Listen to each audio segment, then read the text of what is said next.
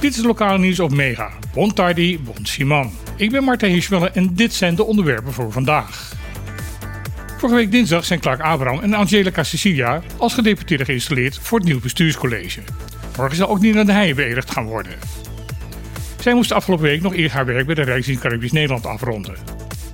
Er is ondertussen ook bekendgemaakt welke taken de leden van het nieuw college zullen gaan krijgen. Wat erbij opvalt is dat de beschikbare portefeuilles niet gelijkelijk onder de bestuursleden zijn verdeeld. De gezaghebber zal verantwoordelijk zijn voor openbaar orde en veiligheid, rampenbestrijding en de verkiezingen. Taken die traditioneel bij de burgervader thuis horen.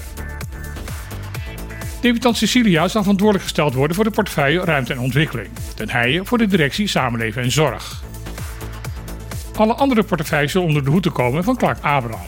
Dit zijn bedrijfsvoering en ondersteuning, toezicht en handhaving, dierenwelzijn, economische zaken en sportbeleid.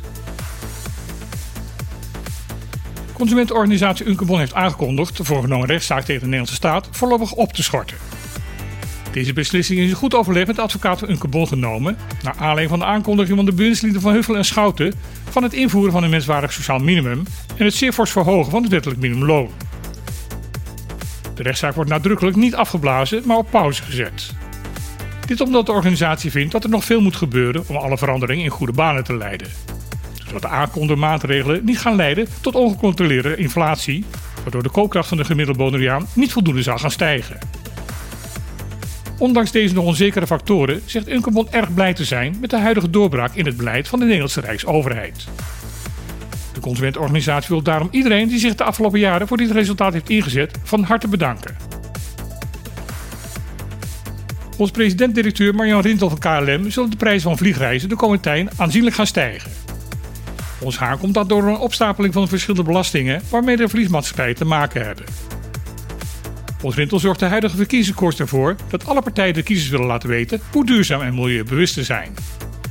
Daardoor wordt volgens haar de luchtvaart in Nederland geconfronteerd met de ene toeslag na de andere extra belastingverhoging. Verder helpt het niet dat maatschappijen die Schiphol als basis hebben niet verder kunnen uitbreiden, doordat de overheid vindt dat de luchthaven moet inkrimpen. Rintel zegt in een interview dat ze voor de Nederlandse krant de Telegraaf heeft gegeven dat door deze omstandigheden sommige ticketprijzen nu al met 60% zijn verhoogd. Volgens haar is het eind van deze opwaartse prijsspiraal nog niet in zicht. Een voedselvergifting kan hard aankomen en grote gevolgen hebben. Daar kan staatssecretaris Erik van den Burg van Asiel en Migratie over meepraten. Vorige week was hij op het Antillen voor een vierdaags werkbezoek. Hij zou daarbij Aruba, Curaçao en Bonaire gaan bezoeken. Helaas ging het op Aruba mis. Vorige week zondag werd hij onwel en moest zelf worden opgenomen in het ziekenhuis. Daar werd geconstateerd dat Van den Burg een zware voedselvergifting had opgelopen. Bij aankomst uiteindelijk in Nederland eind vorige week werd er geconstateerd dat de conditie van de staatssecretaris dermate door de vergiftiging is aangetast dat hij voorlopig zijn werk niet zal kunnen oppakken. Zijn functie zal tijdelijk worden overgenomen door de staatssecretaris van Defensie, Christophe van der Maat. Dit was weer lokaal nieuws op Mega. Ik wens iedereen een mooie, koele en gezonde dag toe. En dan heel graag weer. Tot morgen.